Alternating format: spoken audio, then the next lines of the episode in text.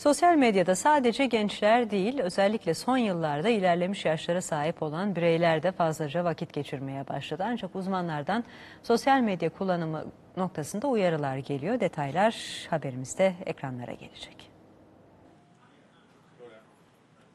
Z kuşağının %20'lik bir kısmı aslında risk altında diyebiliriz. Türkiye sosyal medyada sosyalleşiyor.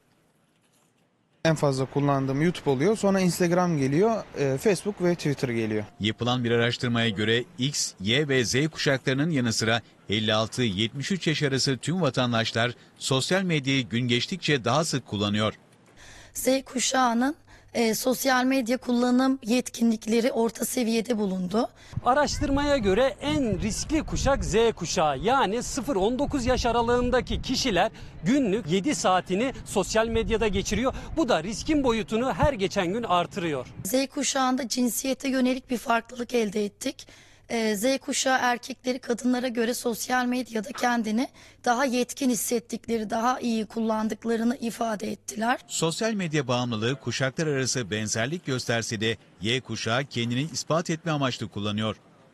Bu araştırmada da kuşaklar arasında e, farklılıkların en hissedildiği, daha doğrusu sosyal medyayı en yetkin ben kullanıyorum diyen kuşak çıktı. 20 ila 39 yaşındaki Y kuşağı sosyal medyayı en etkin kullanan kuşak. Yani kendini ispatlamak isteyen kuşak yine sosyal medya için risk alarmları veriyor. Bir YouTube kanalım olduğu için yani günümün hemen hemen her saatini YouTube'da e, abonelerime ya da izlenme sürelerimi kontrol ederek geçiriyorum. Instagram'da da ortalama 2 saat civarında.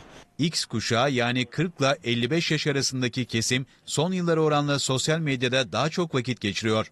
Teknolojiyle doğmayan ama sonradan tanışan daha yaşlı nesillerinde ayak uydurduğunu ortaya çıkarttı. Büyükler de yok mu? Büyükler de var. Ben de bakıyorum ama e, biz daha sınırlıyız. Gençler gömülüyor resmen içerisine. Kendi yeğenimden de biliyorum sürekli televizyon, internet bağımlılığı e, kullana kullana çocukta hiperaktivite ve dikkat bozukluğu. Uzmanlar özellikle son günlerde popüler olan bazı uygulamaların kullanılması konusunda da uyarılarda bulunuyor. Yüklerken adınız, soyadınız, kişisel bilgileriniz, mail adresiniz gibi bilgilerinizi de verdiniz. E, zaten internette e, Facebook ve benzeri platformların e, çaldırdığı bilgiler de dolaşıyor. Bunların hepsi harmanlanarak e, adınıza bir pasaport çıkartılabilir ve uluslararası bir suça bile karışmış olabilirsiniz. Ocak-Haziran